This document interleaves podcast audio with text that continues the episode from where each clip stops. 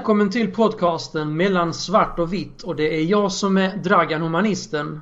Och det är jag som är Thomas Tvivlaren. Ja Thomas, idag har vi två ämnen som vi ska köra och det ena är då Är troende omogna? Mm.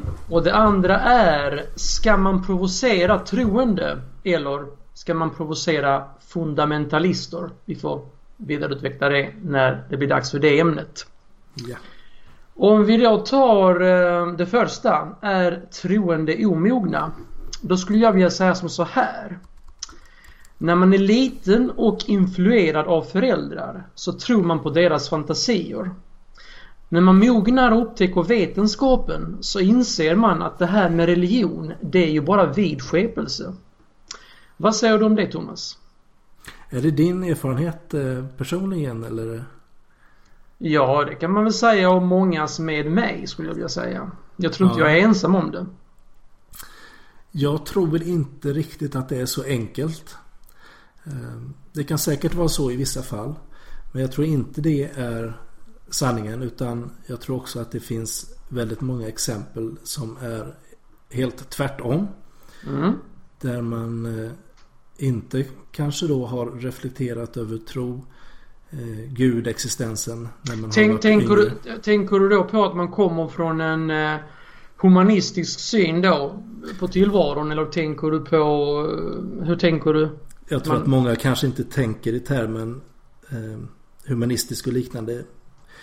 Det är väl olika hur det är i olika familjer. Jag vet inte hur man betecknar sig om det är så att de frågorna kanske inte har någon stor eh, plats. Eller så. Det finns ju många olika typer av andlighet som kan finnas. Men eh, Fast eh, är det inte som så att de flesta, i alla fall i, alltså, vad jag har varit med om så är, så är det ju som så att de flesta som är religiösa från början när, när de går i skolan och upptäcker vetenskapen så så liksom jag, jag- skulle nog vilja säga att du i, den, i en liten mån har också gått åt det hållet. Kan man inte säga så? För du har ju varit troende och nu är du skeptiker och du kanske till och med blir humanist en vacker dag. Vem vet? vem vet. Jag får väl ändå säga att jag betecknar mig som troende. Eh, tvivlande, troende eller skeptisk. Men du tvivlar ju på mycket. Du tvivlar ju på mycket som du tog för givet när du var yngre. Ja, det gör jag. Och där tror jag att det är kanske snarare så att när man är yngre så är väldigt mycket svart och vitt. Och det är Men det oberoende- kommer ju från föräldrarna. För det är Det de du influerar över. Det kommer Ja. dels från kanske föräldrarna men jag tror också att det beror mycket som du säger på mognaden. Att när man är yngre då ser man saker inte lika nyanserat eller från så många håll utan man vill gärna Man vill ha kanske lite enklare svar, tycker saker är Mm. rätt och fel, svart och vitt och jag tror det kan vara oavsett om man tror, eh, har en kristen tro, om man är ateist, om man tror på von Dänikens konspirationsteorier om rymdvarelser som har kommit till jorden för länge sedan så tror jag att det är väldigt lätt att eh, vara rätt så tvärsäker i det man tror på när man är yngre, kanske tonåren och så vidare. Och då menar du oberoende om man är troende eller humanist? Eller ateist som många vill använda. Ja, men jag tror överhuvudtaget vad det gäller eh, behöver inte handla om livsåskådning heller så kan man vara rätt så tvärsäker när man är yngre.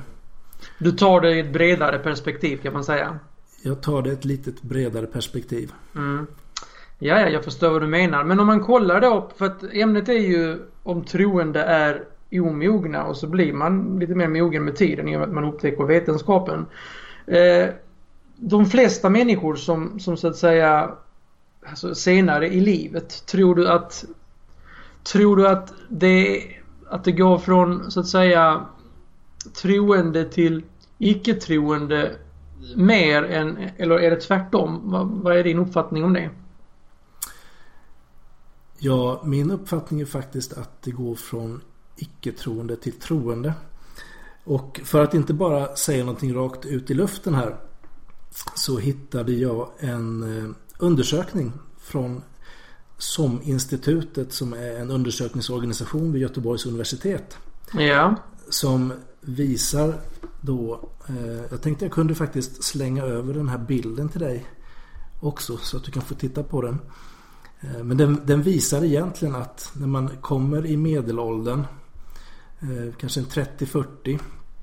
När man eh, då kanske har landat, man har gift sig, man har hittat rätt.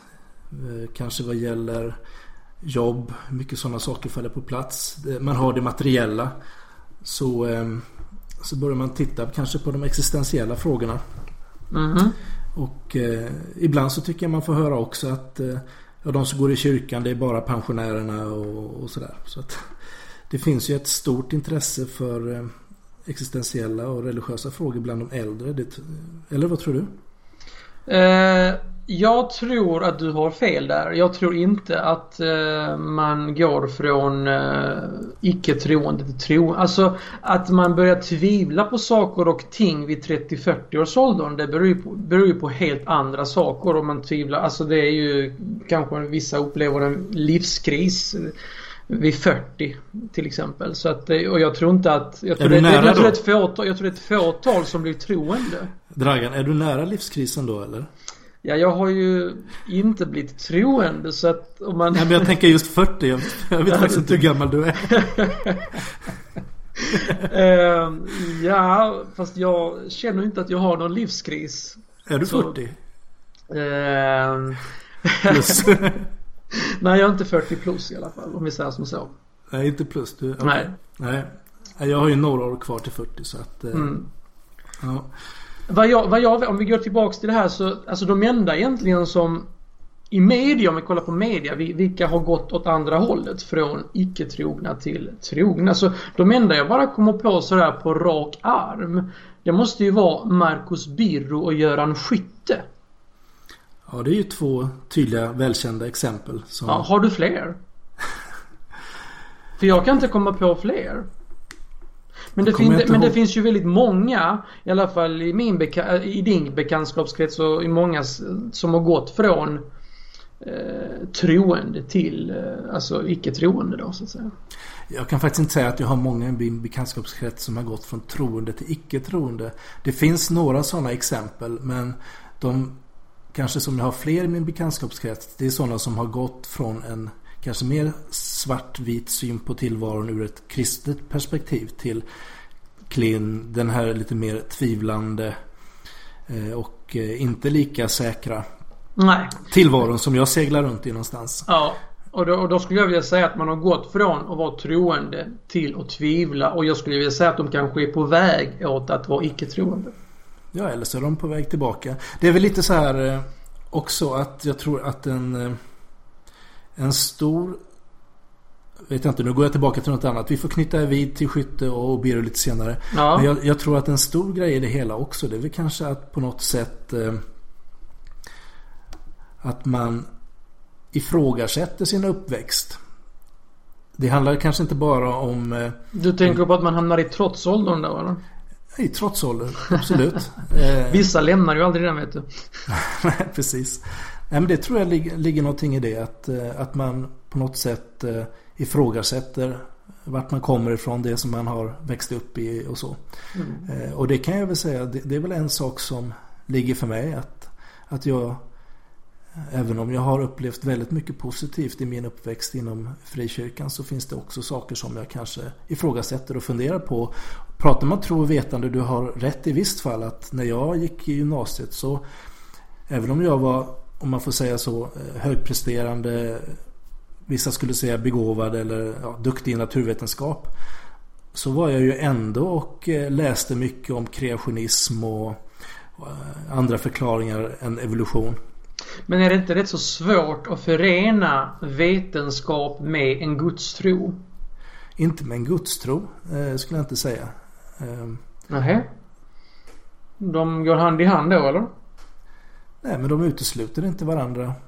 Eh, och eh, som Mm. sagt Jag kan inte riktigt se varför de skulle vara i motsats till varandra. Alltså vetenskapen bygger ju på saker du kan bevisa. Ja, Mm. Det andra gör ju inte det.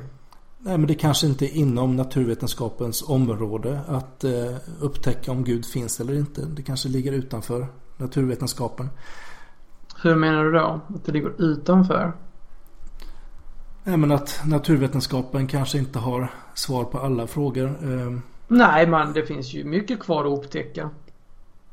Precis och det finns, det finns ju saker, nu kan man ju diskutera huruvida eh, kärlek och andra sådana här saker eh, enbart har eh, rent naturvetenskapliga förklaringar. Men eh, det finns väl... Du, du menar, vad tycker du själv? Har, har kärleken naturvetenskaplig förklaring eller vad, vad tycker du själv? Men jag tror helt klart att eh, fysisk attraktion, eh, den här känslan som man känner när man är förälskad och, kär och sånt har eh, en hel del med, med kemin att göra. Men det är kanske inte allt. Okej. Okay. Och vad skulle i så fall vara den delen som inte skulle vara allt som skulle kunna gå åt riktningen godstro? Det behöver inte gå i riktning till gudstro men det kan gå i riktningen någonting som kanske inte går att förklara med naturvetenskap. Vad vet jag. Eh, min fru eh, sa något, jag vet inte om det var intressant men hon sa i alla fall att ja, om man Tänk dig att du vill ha reda på allting som, eh, som går att få reda på om en stad. Och det enda instrument du har är en termometer. Mm. Då kan du få reda på temperaturen. Men det är allting du kan få reda på om staden. Så att det finns, I den liknelsen så finns det mycket mer.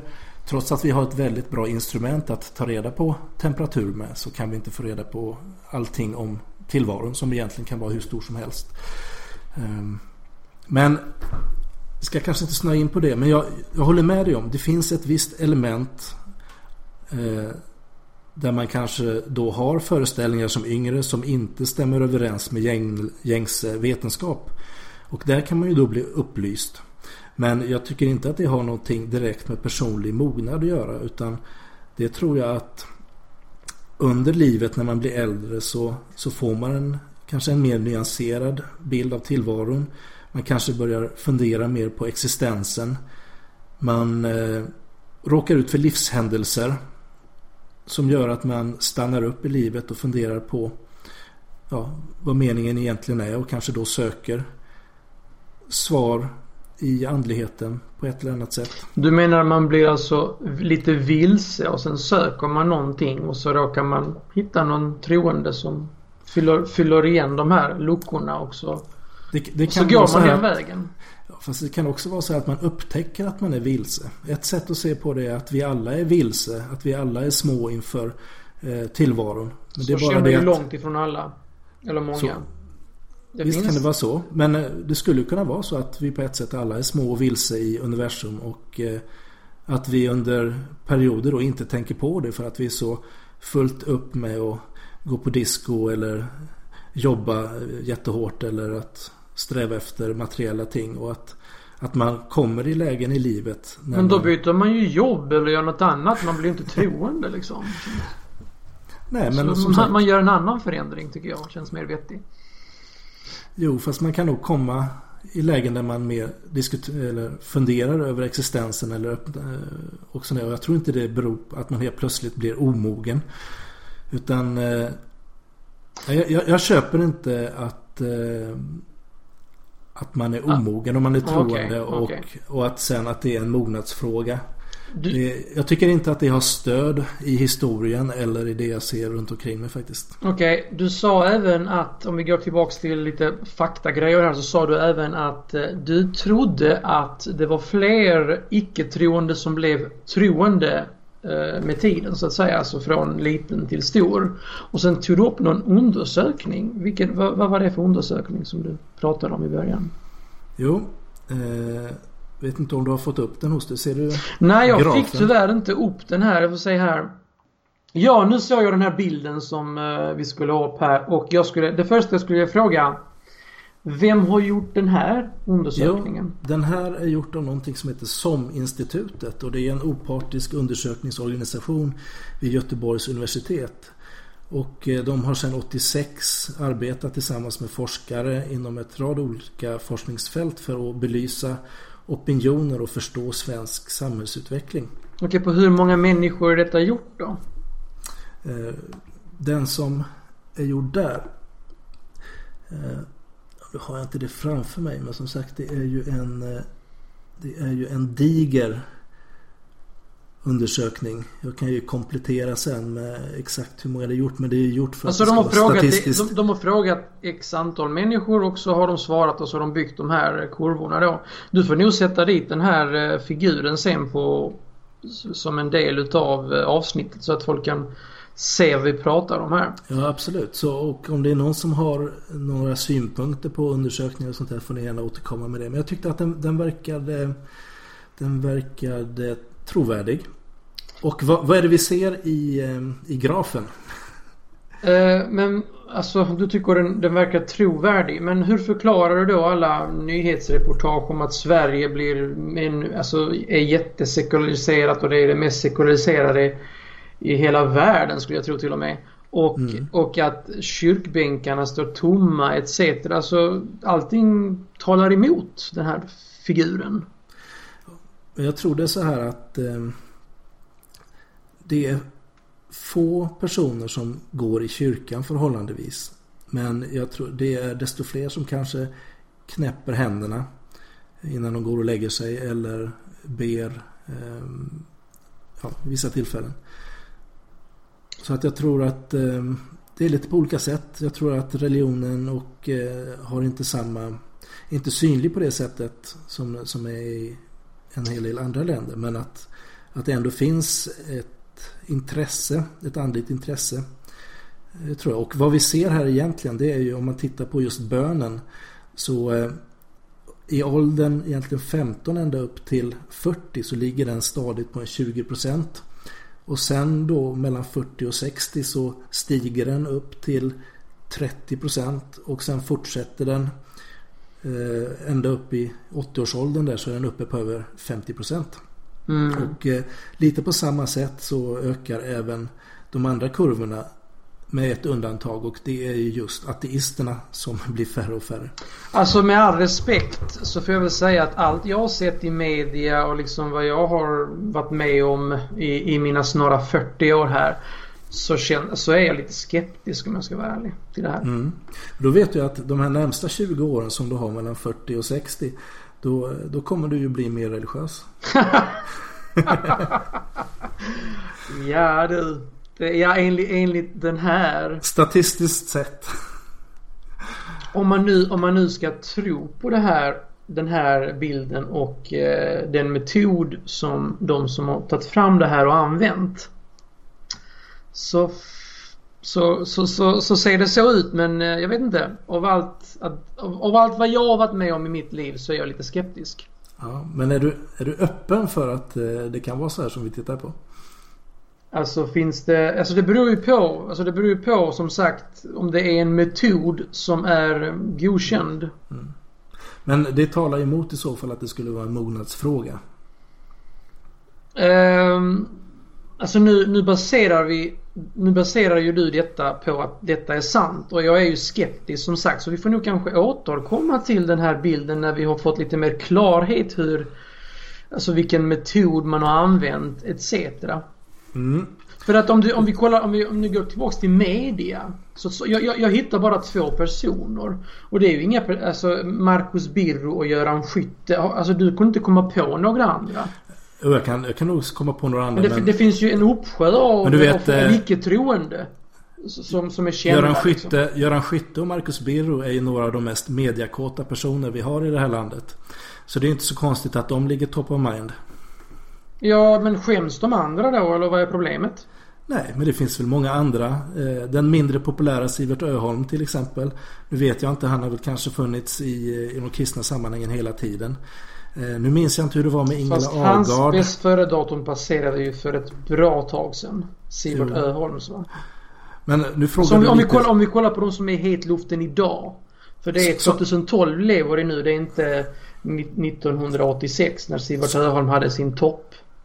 Och då menar du sådana som har gått från att icke tro till att tro? Ja, precis. Ja, vi har ju... Ah, eh, Sivert Öholm har väl dessutom alltid varit fanatiskt Ja, men det- troende va? Inte det, var det? var ju det jag sa. Vi Ja, har okej, väl eh, ja. Claes, Claes Malmberg var väl inte buddhist från födseln tror jag. Vilket han är nu.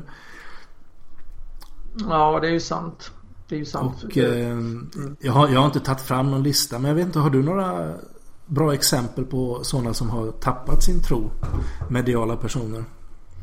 Alltså som har varit känt, eh, känt om, vi nu ska ta en, du tog ju en komiker. Då ska jag ta, ta upp min fa favoritkomiker och det är faktiskt Magnus Bettner. Han, ja. han har ju till och med varit i något, i en sekt eller något, något liknande? Nej det har han inte Eller varit. pingstkyrkan eller vad, vad Nej, det? nej, nej. Hans, hans pappa var pastor i Missionsförbundet. Och, och, och, och vad är Missionsförbundet? Alltså jag är ju... Lyssnar du inte på förra avsnittet? Jo, jag lyssnar. förklarar hela den frikyrkliga skalan. Ja. Och eh, Svenska Missionsförbundet står ju väldigt nära Svenska kyrkan egentligen. Okay. Och eh, nu har ju Svenska Missionsförbundet gått ihop med två andra samfund. Vilka då? Du får ursäkta men... Uh... Metodistkyrkan och Svenska Baptistförbundet ja. och bildat det nya samfundet som heter Alltså vi är väldigt glada över att du har en gedigen kunskap i allt sånt här. Ja, gemensam framtid. Ja. Men i alla fall, det är väldigt eh, långt från sekt. Men det är helt säkert, det är helt sant. Han var väldigt eh, kristen om man får säga så under sin tonårsperiod och så vidare. Och är nu väldigt mycket ateist. Så det är, det är, ett bra exempel. Ja. Har du fler? Eh, på rak arm sådär. Nu får jag tänka till här. Men alltså jag tycker det är väldigt... Har inte han, eh, vad heter den här... Så vi har dubbelt så många exempel på sådana som har gått från eh, icke-tro, ateism och... Du menar i och med att jag inte kan komma på fler? Ja du, du sa att jag inte kunde komma på fler. Men jag tycker... Eh, alltså jag ser ju det, jag, det var ju jag som, som tog upp det här. Att jag tyckte att de flesta människorna gick från att om de är lite troende eller väldigt troende till att bli mindre troende och kanske till och med fullständigt icke-troende. Mm. Men vet alltså, det är ju min och, då, då, alltså, och sen så visst, jag hitt, alltså, alltså det är på något sätt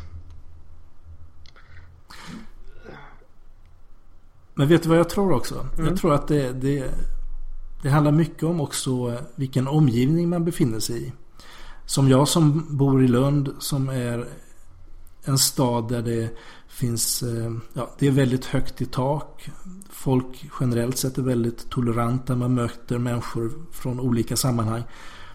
Där är det väldigt lätt att eh, ja, bli grå eller bli nyanserad. Det är inte mm. så att man eh, att det är svart eller vitt. Fast är man grå då är man ju varken eller. Man är en tvivlare. Precis. Ja, man måste inte vara Man kan vara en person som ser nyanserat på saker ja. och inte ser svart och vitt. Vi kan ju använda gråskalan till att beteckna olika saker. Mm. Men om man då lever kanske i ett mindre samhälle, låt oss säga på småländska landsbygden eller något sånt där. Där det är väldigt många som tror exakt samma sak och fem år senare så tror de exakt samma sak och tio år senare så tror de exakt samma sak. Så, eh, så kanske man inte har någon eh, sån förändring överhuvudtaget. Mm. Men eh, vi får nog vara överens om att vi inte är överens i den här frågan, eller vad tycker du? Ja, och jag vill bara lägga till också att eh, enligt Jung, eh, psykologen, så menar han att eh, man kan dela in vårt liv i två delar. Där den första halvan så försöker vi skapa eh, Ska vi se här Att vi försöker skapa vår egen identitet och vi gör uppror eh, mot våra föräldrar och så vidare. Mm. Eh, och sen senare så har vi en andra pubertet någonstans eh, 35 till 40 där vi då skiftar vår, eh, vårt fokus från materialism och sex och skaffa barn till andra eh, saker som existentiella frågor. Och, på, bara fem, och på bara fem år gör man detta? Nej, att, men då sker skiftet. från 35? Jaha, okej. Okay. Mm, ja. ja 35-40 någonting sånt där så sker skiftet. Okay. Så att eh, känn efter när du vaknar imorgon. ja, ja, det var den parentesen. Nu tycker, ja. jag, nu tycker jag faktiskt att det börjar bli hög tid för vårt andra huvudämne. Mm. Och det är Ska man provocera fundamentalister? Ja. Och jag kan ju börja som så här att för exakt åtta dagar sedan, det vill säga förra måndagen, så läste jag i Sydsvenskan, eh, som den skåning jag är då, att det var tre stycken svenska fundamentalister som fick 12 år var för försök till terrorhandling i Danmark. Och det är då eh, Jyllandsposten som var som var eh, som höll på att få någon terror terrorattentat där. På grund av att de På grund av publicerade. Mohammed-karikatyrerna. Precis ja. Och då kan man säga att och sen så läste man vidare då i tidningen att säkerhetsläget skruvas upp i Sverige och man diskuterar om hur svårt det är att få tag i terrorister av detta slag. Mm. Och då tänker jag så här. Är det inte lättare att ta sitt sunda förnuft och sluta publicera idioter som Lars Vilks och trams i form av medvetna provokationer? Mohammed-karikatyrerna i Jyllandsposten gjorde ju detta, detta då och eh, det blev ju ett ramaskri världen över. Mm. Och, och sen, alltså det, det, det tycker jag att svenska journalister borde ha snappat upp och tagit sitt sunda förnuft och inte publicera en extremt ful teckning från en idiot med namn Lars Vilks. Och liksom spä på detta ännu mer och detta resulterar ju då förmodligen till ett högt att man måste höja säkerhetsläget i Sverige och riskera svenska liv för trans. Jag ser en extrem, jag ser en väldigt stor skillnad på att skriva en bok som till exempel Salman Rushdie gjorde, Satansverserna då. Det, ha, alltså hans ambition var ju inte att provocera. Han skrev en bok, sen var det som så att det var folk som blev provocerade och han fick någon fatwa över sig. Det tyck, då tycker jag att det är värt att kämpa för yttrandefriheten för att Mm. vad tycker du om den tankegången? Ja, då kommer jag inte riktigt ihåg eh, skälet till att man publicerade det här. Om det var tryckfriheten som man ville... Ja, alltså det är Testa. sensation, sensation skulle jag vilja säga. Man vill säga lösnummer men Det var väl till viss del det och sen så ville man se... Man ville väl visa att... Eh, ja, det finns ingenting som stoppar yttrande och tryckfrihet. jag, köp, kan- jag köper det när det handlar om alltså eh, yttrandefrihet när det inte är menat, alltså när man bara gör någonting bara för att man kan och gör det bara för att provocera. Det är ju rätt så ynkligt och liksom och sen, och sen dessutom sparka på en minoritet som befinner sig i ett underläge. Det, det är rätt ruttet tycker jag. Alltså. Ja. ja men jag tycker det finns två stycken olika delar. Dels finns det ju vad som ska vara tillåtet enligt lagen.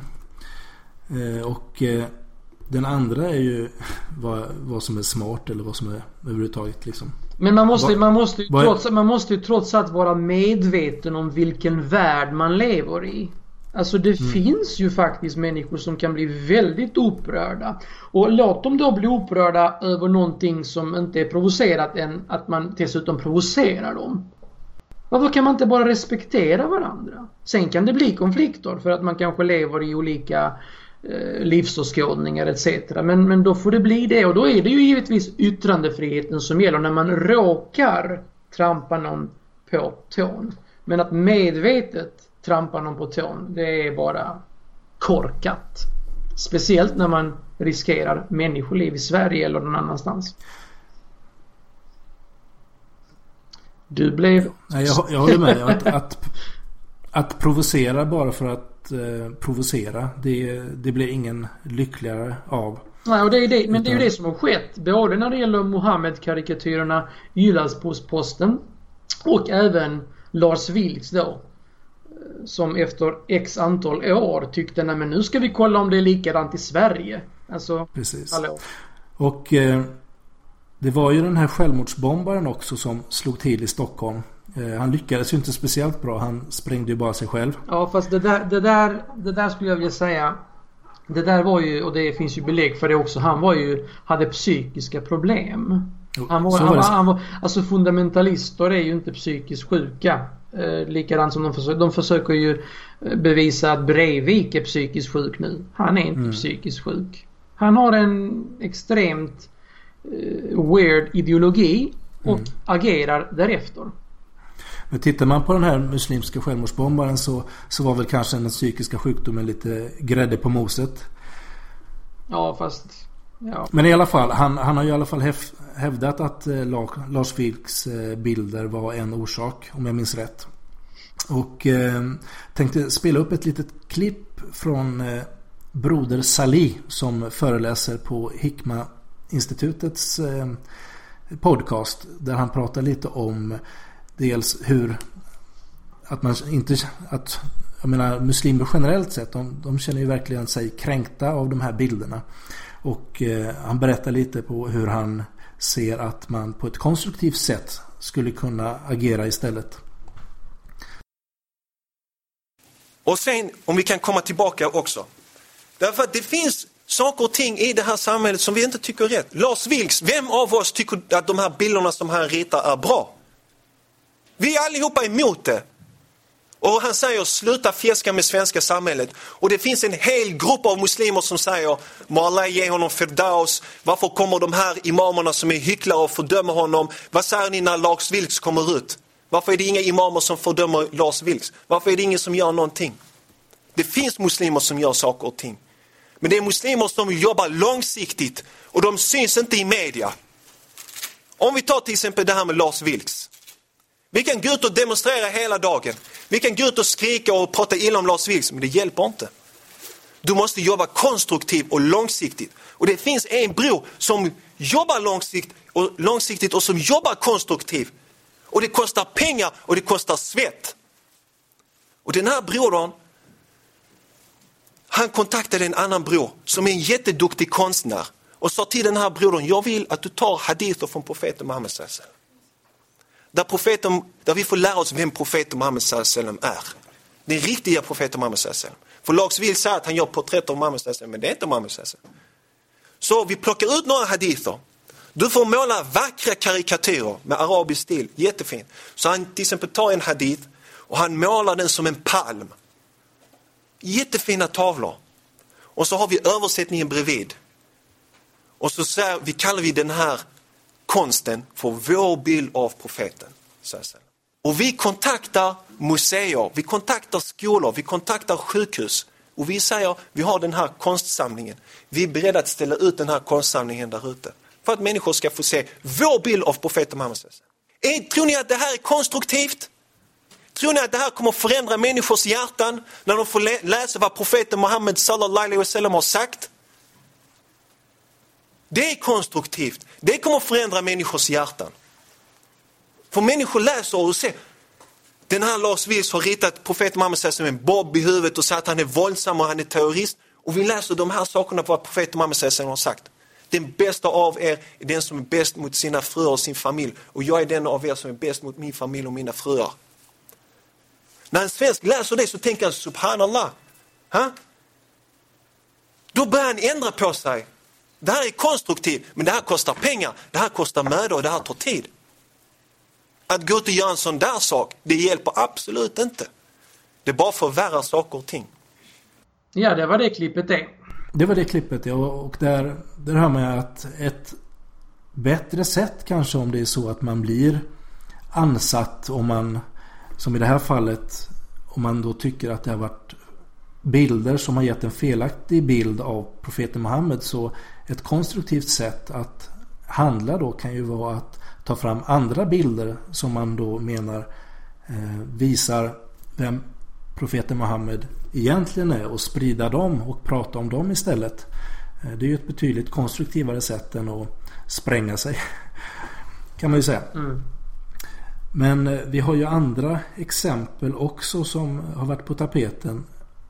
Eh, vi har ju till exempel Ecce Homo-utställningen som, som inte gick hem sådär jättebra i de frikyrkliga leden i alla fall. Nej, och där är det väl lite samma sak. Och där kan jag väl känna att det var lite både och. Jag är inte jätteinsatt i eh, bakgrunden och tanken med det hela. Jag tycker att det finns en poäng i att visa att Jesus eh, var, är öppen för de homosexuella eller andra typer av, eh, ja helt enkelt att han bryr sig om alla människor. Han möter dem och att... Eh... Fast Ecce Homo gjordes ju inte enbart för att provocera. Nej, det är det jag menar. Jag menar att det, det finns en god tanke där. Ja, precis. Sen kanske det finns andra bilder som, som mer känns att de bara är provocerande. Mm. Eh, Jag vet inte. Det, det finns någon dopbild där, där eh, där det är två nakna män som står och han som ska döpas läste jag på nätet skulle ha en en penis som är lite erigerad. Jag tittade på bilden, jag kunde inte riktigt avgöra i vilket tillstånd den var. Men eh, Ja, du Ja. ser själv, det går inte ens att avgöra. Så att, alltså, Nej, precis. Alltså, att, Men- alltså, jag ser en enorm skillnad att, att göra något konstverk eller vad, vad det nu är. Och, och, och liksom det här är mitt konstverk. Mm, Och liksom där det är lite mer effort än att göra en... Alltså har du sett, har du sett den fula teckningen som Lars Vilks har gjort? Har du sett den alltså? jag har sett den. Eh, har gjort. Ja men alltså han har ju bara tagit, alltså det, det måste ha tagit två minuter att göra den teckningen alltså. Ja. Så han har ju inte ens liksom lagt ner någon tid på det. Så liksom Ta det till Ecce Homo som är en Alltså jag vet inte hur många bilder hon hade så att säga radat upp där liksom. Och Mm. liksom ville, ville vis- visa en, en konstnärlig poäng eh, och så vidare. Det, det är ju en jätteskillnad. Visst är det det. Mm. Sen har vi ju andra saker som man kan gå in på. Vi kan ju prata lite Åke Gren om vi vill. Ja.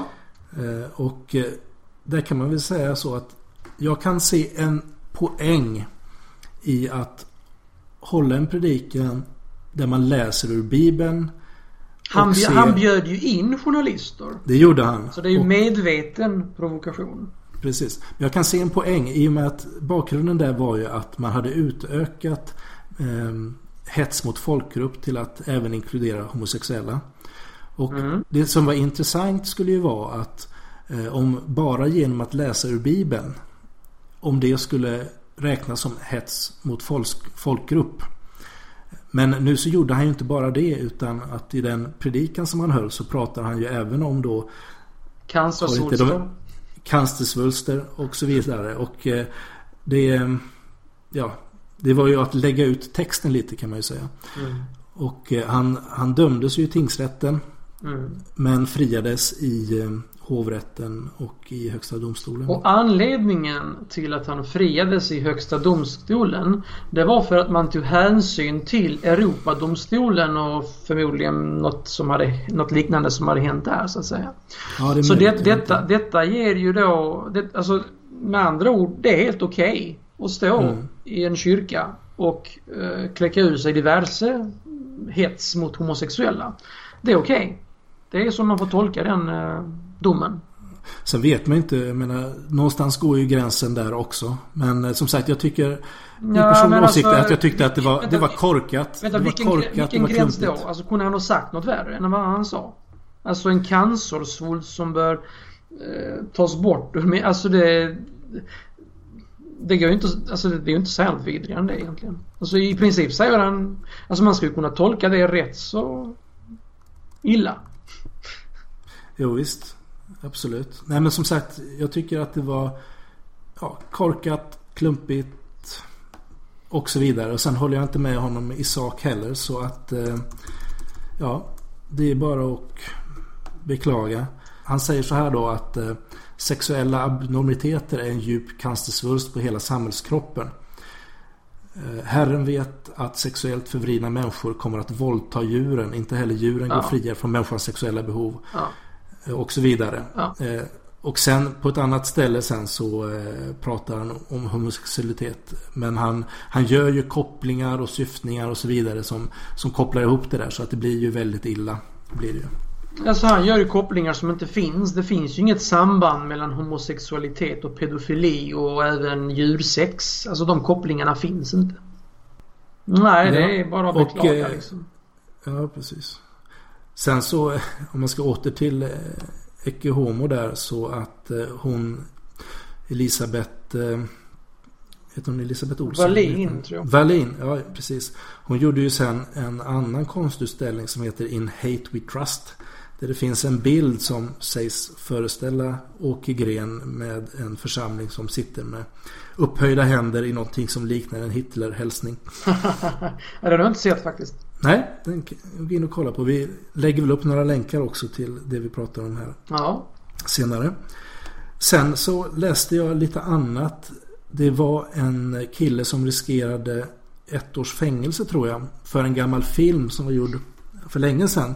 Som, eh, som visar då hur man gör om man vill eh, tillaga Jesus. Man plockar ner honom från ett eh, kors och sen så skar man upp honom och garnerade honom och la in honom i ugnen. Okej. Okay. Så att, men han blev friad faktiskt. Vilket land var detta i? Om det var, kan det ha varit Spanien kanske? Jag läste det på humanistbloggen. Okay. Nej, det var i Ska vi se, i Spanien var det mm. precis. Och sen var det också det att det var en eh, twittrare i Kuwait. Som har dömts nu till tio års fängelse för hädelse. Mm. Att han hade förolämpat profeten Muhammed. Ja. Så att... Nej men alltså jag, tyck, jag tycker ju alltså att skapa lagar mot det är helt fel. Jag, jag tänker med på att media, alltså om vi går tillbaks till det här ursprungliga Lars Vilks och, och Mohammed Jag tycker media eh, och massmedia bör ta ett ansvar för mm. liksom, konsekvenser av eh, publiceringar som, som är enbart för att publicera, för, för att provocera. Mm. Sen, sen, finns det ju en, vad ska man säga, det finns en vind som blåser i Europa vad gäller hädelselagar där Irland har ju gjort hädelse straffbart. Vilket är eh. helt sjukt. Precis, så att man kan få böta upp till 25 000 euro. Och eh, det finns eh, Det har ju Fram till 1970 i Sverige så fanns det ett skydd mot religionskränkning i, i Sverige. Och eh, det har varit Tuve Skånberg som är ju en kristdemokratisk politiker har ju fört upp den här frågan igen. Och det är väl Jag har faktiskt inte läst igenom exakt vad som ingår i, att han bara, det, det förslaget. Alltså att han bara orkar. Alltså i Sverige. Jo, precis. Alltså, alltså det är ju... Alltså, ja, på något sätt kommer försvinna liksom nästa val. Ja, alltså, ja. Jag vet inte, det här är väl, jag kommer inte ihåg när det var. Så jag försöker titta här. Får väl läsa lite närmare. Men i alla fall så det känns i alla fall som att lagstiftning det är ingen väg att gå. Men på Nej. något sätt måste ju folk också vara lite taktfulla. Och det finns ju ingen poäng med att göra folk ledsna. Det finns ingen poäng med att göra galet folk ännu galnare så att de, så att de ja, ställer andra människor i fara eller gör så att vi måste lägga in en, lägga mm. ut en massa pengar. Mm. Eh, statliga pengar på att eh, för att ingen ska göra någonting dumt. Om man hade skitit i att publicera den här eh, så att säga fula teckningen som Lars Vilks har gjort.